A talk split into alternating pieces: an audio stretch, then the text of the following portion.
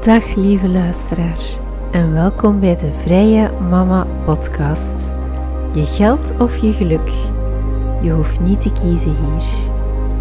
Ik ben Leen Megens, a.k.a. Vrije Mama en ik begeleid je met wat tough love naar meer financiële en innerlijke vrijheid. Luister je mee? Goedemorgen beste luisteraars en welkom bij de eerste aflevering van de Vrije Mama podcast van het nieuwe jaar. En dit is een beetje een andere aflevering, uh, want de vorige gingen allemaal over geld. En nu komt dat omdat ik een beetje een uh, tunnelvisie had als startende ondernemer. Ik dacht mijn laatste project in loondienst gaat over uh, geld, budget, schuldenbeheer. Dus ik zat helemaal daar met mijn hoofd. Ehm, en ik dacht, ja, ik heb geen opleiding als psycholoog, als pedagoog, dus ik mag ook niks in die richting vertellen. Uh, maar nu herinner ik mij dat ik wel degelijk in de sociale sector heb gewerkt, uh, zeven jaar. Ook um, onder andere een project heb gedaan uh, met een ontmoetingsplaats voor ouders, onder andere. En ja, het is een podcast. ik kan hier ook wel vrij mijn eigen verhalen vertellen, zonder dat dat uh, per se een heel pedagogische uh, tour op hoeft te gaan. Hè. Ik ben hier niet voor uh, opvoedtips, maar juist voor de mama zelf. Um, in de sociale sector kwamen ook enkele concepten als empowerment, zelfregie, veerkracht aan bod. Hoe kan je een netwerk uitbouwen? Um, hoe ja, kan je energiek door het leven gaan. En dat zijn toch wel dingen die ik. Uh, in de sociale sector wordt dat soms gefocust op mensen die minder kansen kregen, mensen in armoede. ik denk dat dat voor moeders ook wel heel handig is, omdat die ook wel onder druk staan of uh, onder druk van veel verwachtingen, veel druk uh, van te moeten werken en tegelijk voor je kinderen te zorgen. Dus vanaf nu gaat er in deze podcast en uh, ook in mijn aanbod zal het ook wel gaan over die persoonlijke groei, over uh, ruimte maken voor jezelf, veerkracht, uh, op andere mensen durven steunen enzovoort. ook ruimte maken voor je eigen noden als mama vooral. En tijd nemen voor jezelf. want ja, een mooi citaat dat ik vond is uh, een mama is altijd het begin. Uh, dat klopt, hè, technisch gezien. Maar dat zorgt er ook voor dat als mama zich goed voelt, dan um, ja, heeft dat ook een positieve invloed op de volgende generaties. En op ja, heel onze village, heel ons netwerk. mama's zijn een belangrijke spil. Uh, ze gaan werken, ze zorgen voor hun kinderen. Ze hebben ook nog eens uh, meestal wel wat vriendinnen. Ze zorgen voor een partner een beetje en omgekeerd. Uh, dus mama's zijn wel een belangrijke spel. Nu, waarover gaat deze aflevering? Uh, ik heb een beetje inspiratie opgedaan uit mijn vriendenkring. Er waren namelijk twee vriendinnen die elkaar niet zo goed kennen trouwens, hè, dus onafhankelijk van elkaar, die dezelfde uitspraak hadden gedaan wat ik het meest vermoeiende vind, is eigenlijk het entertainen van mijn peuters. En dat is bij mij ergens blijven hangen. Ik dacht inderdaad, ja, dat is wel iets dat veel mama's uh, vermoeiend vinden. Dus eerst en vooral, waar komt dat idee vandaan? Dat wij zelf onze kinderen moeten entertainen. Drie oorzaken volgens mij. En het tweede deel zal gaan over hoe kan je het ook anders aanpakken. Uh, ik heb daar enkele leuke boeken over gelezen en ook uh, enkele dingen zelf mee uitgeprobeerd. Ja, ik denk zeker en vast dat er een andere manier is uh, die ons minder energie kost. Dus deze podcastaflevering heet dan ook Help mijn kinderen entertainen kost me energie. Um, dus eerst en vooral, waar komt het idee vandaan dat wij onze kinderen moeten entertainen? Um, als we gaan kijken naar vroeger, hè, um, mijn mama praatte soms over haar eigen jeugd. Het concept van de village heb je vast wel uh, van gehoord. Hè? Dat, ja, vroeger was er een grotere village. Uh, mijn mama vertelde vaak dat er wel buurvrouwen af en aan liepen. En eh, haar eigen grootmoeder woonde ook nog mee in huis. Dus die kon ook mee een oogje in het zeil houden. Terwijl tegenwoordig zijn we meer eilandjes geworden. Uh, we verhuizen ook vaker weg van onze ouders. Vroeger woonden we in hetzelfde dorp, soms in dezelfde straat. Nu zijn er meer mensen, dat is bij ons ook zo. Um, mijn vader woont in Oost-Vlaanderen en mijn schoonouders wonen ook op een half uurtje rijden ongeveer. Dus dat is niet meer dat we allemaal onder, aan dezelfde kerktoren wonen. En dat zorgt misschien wel voor meer privacy, meer je eigen pad banen, minder bemoeienissen.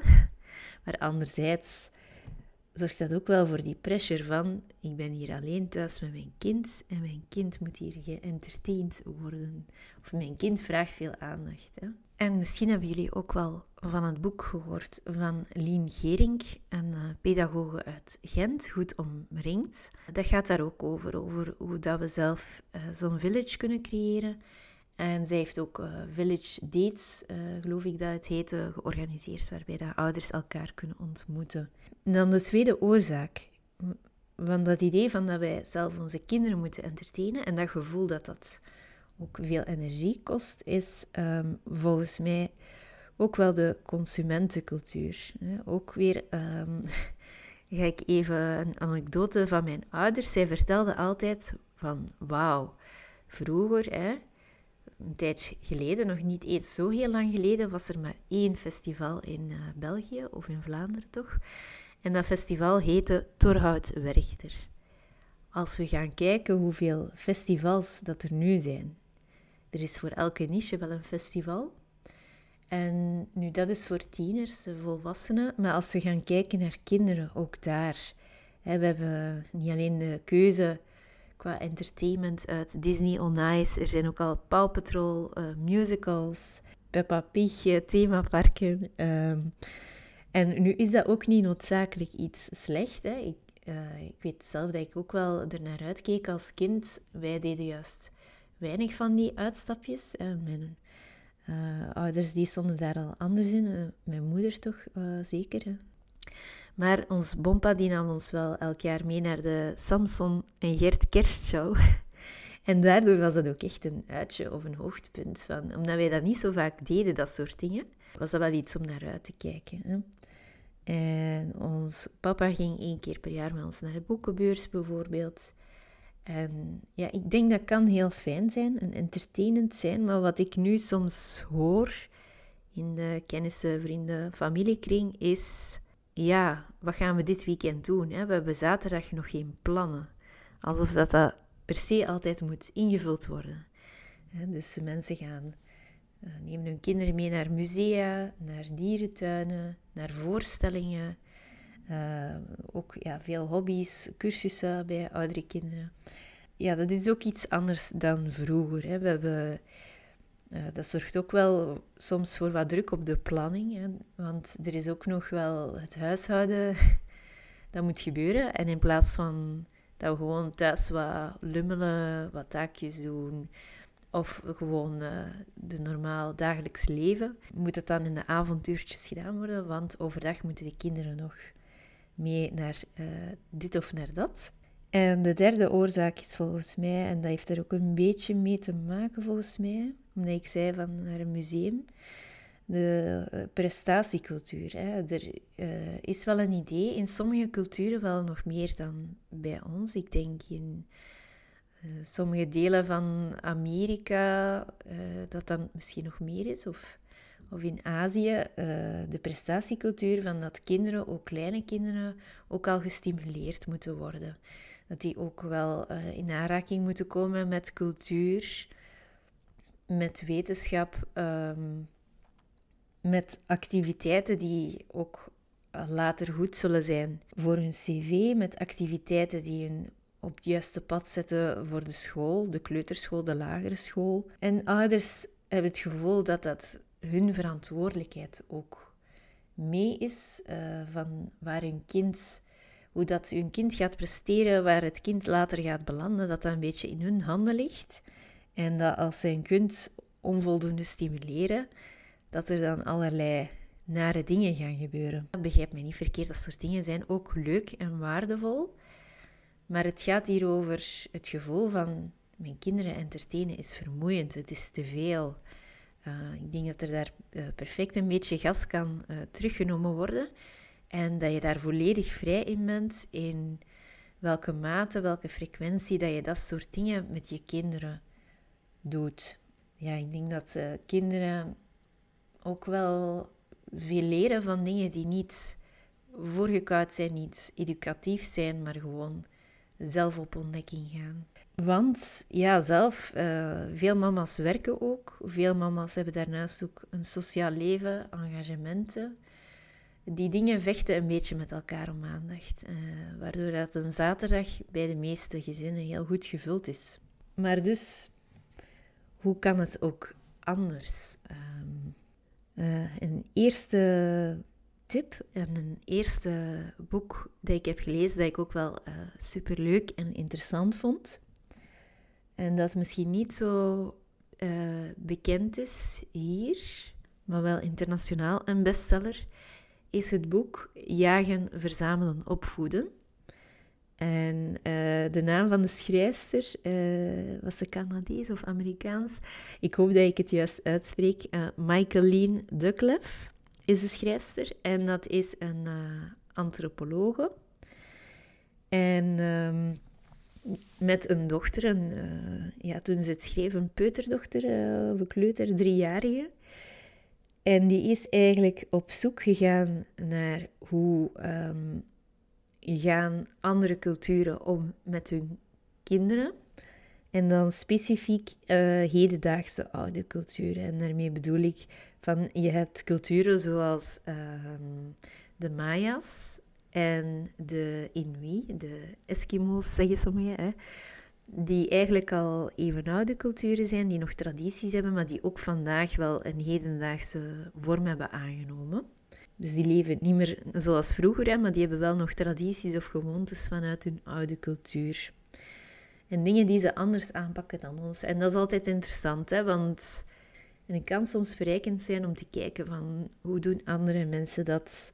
En um, ja, de tip die dan te maken heeft met dat entertainment, uh, die gaat eigenlijk over uh, de Maya-cultuur. Uh, het eerste deel van het boek gaat over dat zij daar uh, op bezoek ging, verbleef, een tijdje daar uh, samenleefde en haar ogen de kost gaf en daarbij leerde. En um, ja, de Maya's die um, gaan anders om met hun uh, kleine kinderen dan ons. In de zin van, um, ja, bij ons, wij zijn geneigd om onze kinderen te entertainen en zelf alle taakjes te doen. Zoals koken, boodschappen doen. Uh, en zeker zo bij kleine kinderen. Hè. Bij een kind van twee zijn we geneigd om te denken: ja, wat kan die daarin betekenen? Ja, maar hè, uh, even een puzzeltje maken. Ga maar even spelen. En dan moet ik terwijl ook nog uh, koken. Um, wat dat veel energie kost. Maar de Maya's die pakken dat anders aan. Die zien hun familiegezin meer als een soort van clan, waarin dat iedereen uh, gelijkwaardig is, ook de kleine kinderen.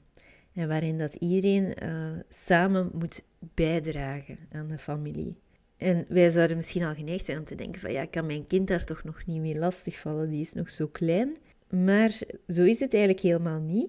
Want als je een kind mee laat doen aan eenvoudige taken, en dat kan vanaf de leeftijd van 2,5 jaar, dat is ook goed voor de eigenwaarde. Want wat leert een kind um, als je dat niet doet? Leert een kind van mijn positie in het gezin is om geëntertained te worden, om bediend te worden ik ben een hulpeloos wezen en ik doe van alles verkeerd. Ik stoot mijn melkje om. Uh, dat is geen krachtige positie om in te verkeren. Terwijl als je kleine kinderen ook betrekt, en ik zal zo meteen vertellen hoe dat zij dat dan vertelt als ze dat doen, dan uh, dat voelt heel anders aan. Hè? Dan hebben ze het gevoel van, oké, ik ben hier een volwaardig deel van de clan al. Hè? Ook al is het op mijn manier, want ik ben nog klein er hoeft ook niet noodzakelijk iets speciaal apart voor mij gedaan worden. We zijn één geheel, dus dat zorgt naast eigenwaarde ook wel voor een soort samenhorigheid. En ja, er hoeven geen speciale dingen voor gekocht te worden. Je doet eigenlijk gewoon een beetje mee met het gewone dagelijkse leven. En dat heeft eigenlijk wel zijn charme.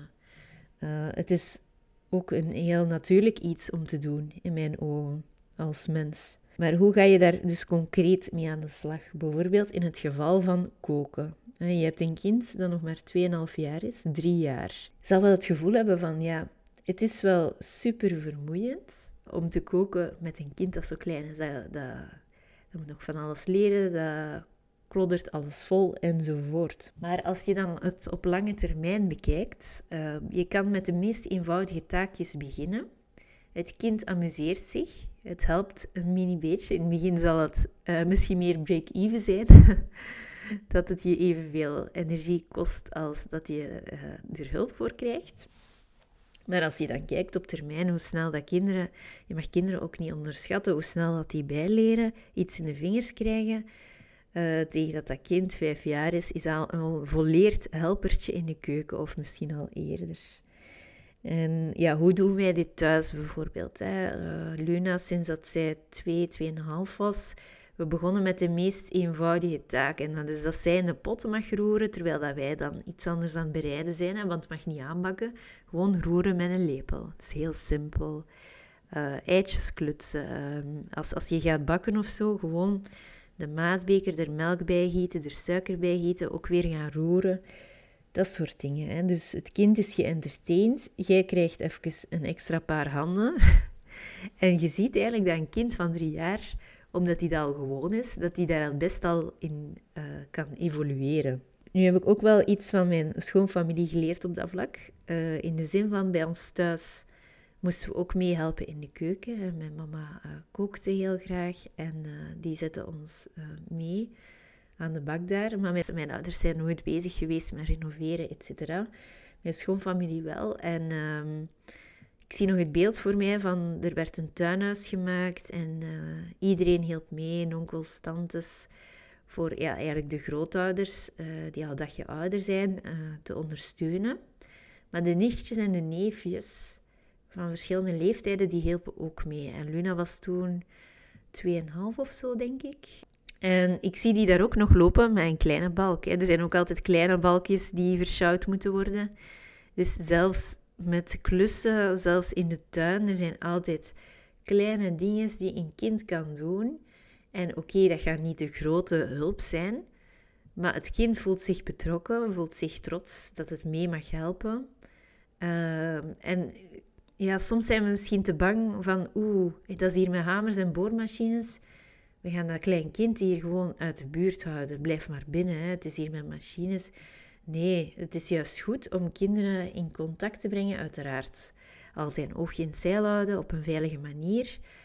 Maar om juist in contact te brengen met zo'n dingen, dan leren ze ook van: kijk, dit is een boormachine, dat is, dat is gevaarlijk, hier moet je niet lopen, enzovoort. Hè.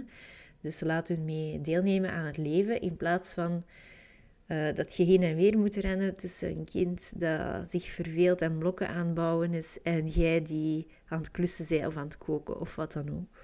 Uh, dus ja, dat vond ik echt een super waardevol uh, boek wel. En ook een super waardevolle tip dat je zo denkt van, zo had ik het nog niet bekeken, maar eigenlijk, it makes total sense.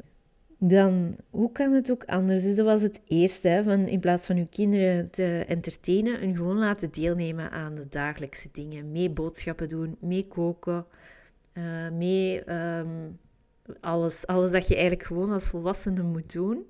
En dat is best wel een pakket. Uh, laat uw kinderen daar gewoon aan deelnemen. Nu, uh, onze zoon Milo is nog maar net één jaar geworden.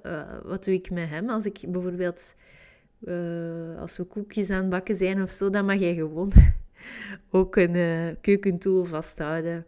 Dat vindt hij al superleuk, gewoon een houten uh, zo kleine, heel kleintjes zijn dol op een houten lepel mee mogen vasthouden. Ze hebben ook al het gevoel dat ze meedoen. Of gewoon, um, die kunnen nog niet echt, echt helpen of zo, maar zetten hun er gewoon bij in hun kinderstoel. Dan kunnen ze al kijken. En kijken is ook belangrijk, observeren. En kunnen ze ook al iets vasthouden en het gevoel hebben dat ze meedoen. En dat is eigenlijk ook wel super schattig. Uh, de tweede tip van voor help, uh, mijn kinderen entertainen kost me energie, is dan toch, ja, uh, het is al aan bod gekomen, die village. Um, en die village is ook iets dat we een beetje niet meer gewoon zijn. En ik zal een voorbeeld geven uit mijn eigen leven. Ja, we hebben het zodanig druk dat ik dacht van... Um, dus er kwam een kerstweekend aan met de schoolfamilie en ja, net voor ik vertrok, uh, ik zal niet zeggen dat ik er tegenop keek, maar ik dacht wel van, oef, ik heb eigenlijk nood aan rust. En wat gaat dat zijn? Dat is uh, drie nachten met, ja, dat is best een grote familie, dus veel familie, uh, veel kinderen die door elkaar lopen. we gaan ook elke dag, we zijn niet op restaurant geweest, we hebben elke dag samen gekookt en zo. Dus ik dacht, ja, gaat dat niet veel energie kosten? Hè? Ik ben ook wel als ambivert iemand die zich soms moet terugtrekken naar alle sociale uh, gedoe. Maar uiteindelijk, uh, als we daar waren, was het uiteindelijk minder zwaar dan thuis. Want thuis moet ik inderdaad soms op mijn eentje de kinderen afhalen, koken, terwijl nog hun poep afvegen enzovoort. Terwijl als je in een familieverband bent, en dan vooral ja, op het gebied van entertainment dan, uh, ja, mijn dochter die houdt wel van aandacht. Die is best wel extravert en, uh, en uh, sociaal. En ja, nu moest ze niet alleen op mij teren voor die aandacht te krijgen. Ja, zij is ook wel expressief. Zij, zij zingt graag, zij vertelt graag. Uh, ze moest, op dat kerstweekend moest zij niet alleen op mij teren. Integendeel, ik heb haar nauwelijks gesproken of gezien.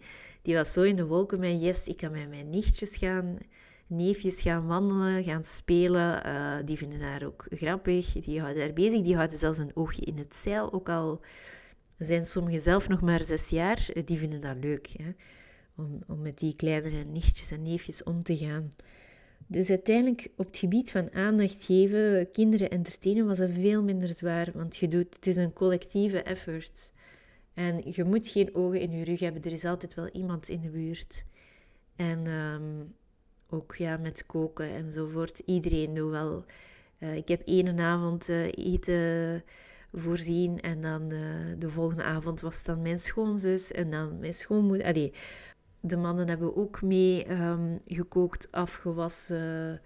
Dus ja, uiteindelijk is dat echt wel waardevol om soms toch, ook al hebben we qua prikkels, hebben we misschien het gevoel van ik wil liever alleen zijn of rustig, zonder anderen erbij.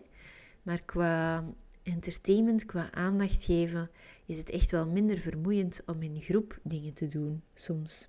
Dan derde tip om je kinderen op een andere manier te entertainen is, ja, als we gaan kijken naar die consumentencultuur, die prestatiecultuur, bestaat er ook wel een andere beweging al een tijdje en die beweging noemen we slow parenting. Slow parenting uh, houdt in dat je niet alle spelletjes voorkoudt, dat kinderen zelf spelletjes mogen verzinnen, dat je zelf speelgoed kan maken, dat kinderen zelf ook ehm, niet mega gestimuleerd worden om een bepaalde ja, intelligente, succesvolle persoon te worden, maar dat je het meer een beetje aan hen laat. Dat ze ook zelf hun hobby's mogen kiezen enzovoort. En een boek dat ik leuk vind op dat vlak is uh, van Tom Hodgkinson. Uh, Tom Hodgkinson had een, een tijdje een, um, een uh, krantje, Die Idler. Uh, dus een beetje vertaald de luierik, of hoe zou je het noemen. Um, en dat gaat over, over slow living. Over, zijn bekende bestseller is How to be Idle. hoe je lui kan zijn. En hij heeft ook een boek, The Idle Parent. met ook tips over slow parenting ja, dat is iets dat wij misschien voor ik het woord slow parenting al uh, kende, dat wij wel met de paplabel um, hebben meegekregen. Um, in de zin van, het is niet dat, vooral mijn mama, zij was een heel rustig persoon die niet per se op stap hoefde. Uh, zij was zelf vooral bezig met, uh, ja, zij, zij hield van lezen, van schilderen in de tuin werken, van uh, lekkere dingen koken, het huis mooi maken. Dus eigenlijk heel creatief, een tikje introvert, heel zorgzaam. Uh, en zij was ook zeker niet een persoon die van alles forceerde. Uh, dus ja, we waren ook met drie thuis. Dat is altijd handig op dat vlak. Dus wij bedachten wel zelf spelletjes voor elkaar. En mijn zus en ik hadden ook zelf elk een zelfgemaakte brievenbus in onze kamer, waar dat we dan zelfgemaakte briefjes en spelletjes in stopten. Uh, ik maakte ook voor mijn zus allerlei raadsels en parcours, zelfs met, uh, compleet met parcours in de tuin, waarbij dat ze puzzelstukjes moest zoeken van BV's, zoals Bart de Pauw, die ik dan een puzzelstukjes had geknipt. Allee, mijn zus was drie jaar jonger en zeer enthousiast en uh, actief van nature, dus dat was een dankbaar slachtoffer.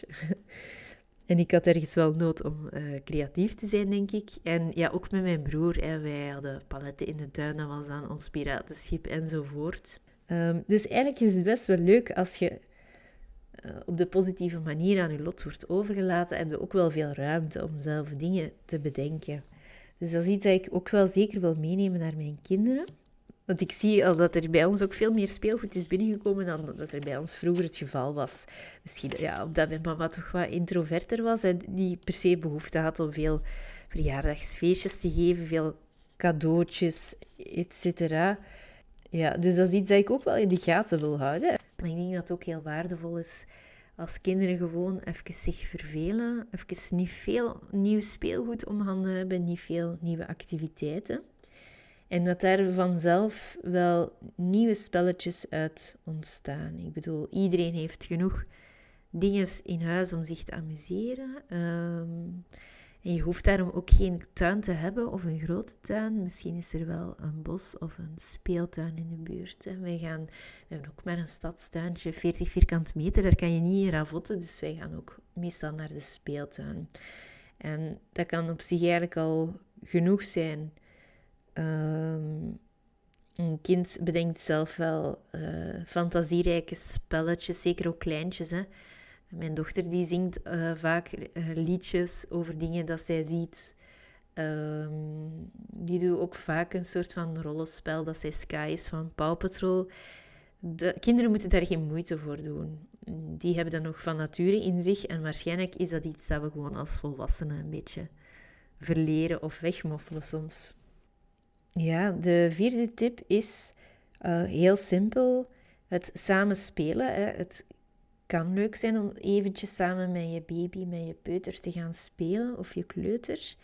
Maar eh, wissel dat samenspel gerust af met zelfstandig spel. Hè. Je moet niet het gevoel hebben dat je de hele tijd ernaast moet gaan zitten en de hele tijd, zelfs met uh, eenjarige in mijn ogen. En Milo is nu net één, dus die cruist heel de living uh, rond. Die heeft er nood aan om al schuifjes open te doen, proberen op de trap te klimmen enzovoort. Hè. Dus die, die uiteraard wel in de gaten houden qua veiligheid.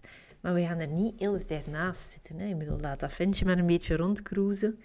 En dan uh, kijken we af en toe of dat hem uh, zichzelf niet in gevaar brengt. Hè.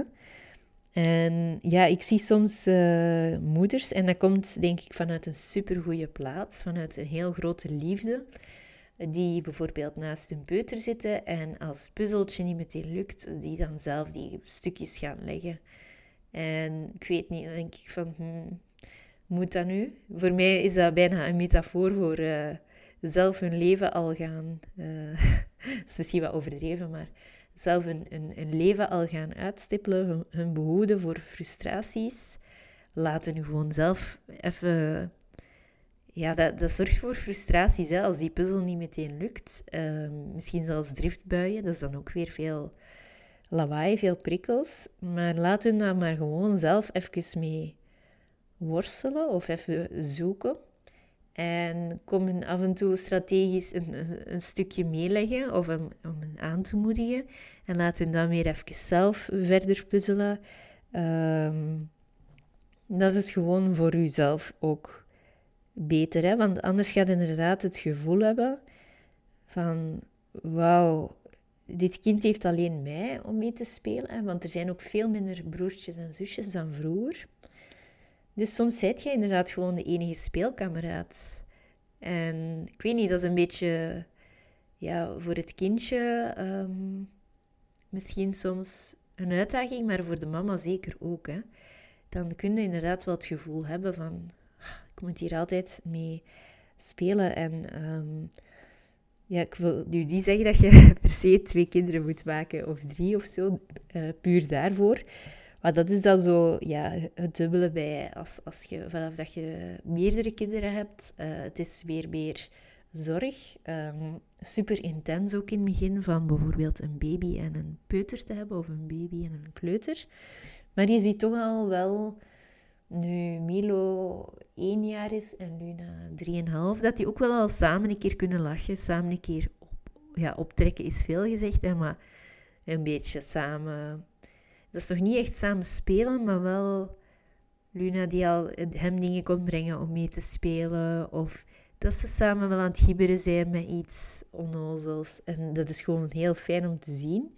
En dan voel ik ook van, ah, ik ga wel even uh, mijn eigen ding doen, even uh, koken, ook al is maar een kwartiertje, een half uurtje. Zij zijn gewoon lekker bezig samen. En ja, dat is gewoon een heel fijn gevoel. Dus durven zelfstandig te laten spelen, ook al zijn ze nog zo klein. En laat hun maar een keer letterlijk met hun hoofd tegen de salontafel botsen. Uh, ja, hoofd tegen de muur botsen is de uitdrukking. maar uh, ja, uh, alles eh, op een veilige manier uiteraard. Hè. Maar dat hoort er allemaal bij. goed. Um, ik vond het fijn om over dit topic even mee te praten. En ik ben ook heel benieuwd hoe uh, jij daarmee omgaat. Of jij ook het gevoel hebt van, amai, dat kost mij zoveel energie om mijn kind te entertainen. Of dat jij um, zelf eigenlijk tips hebt van, oh, dat heeft mij geholpen. Um, dat bespaart mij veel energie. Uh, ik heb er wel een nieuwe uh, modus vivendi in gevonden. En uh, ook heel erg bedankt voor het luisteren. En geniet nog van je dagje. Dag.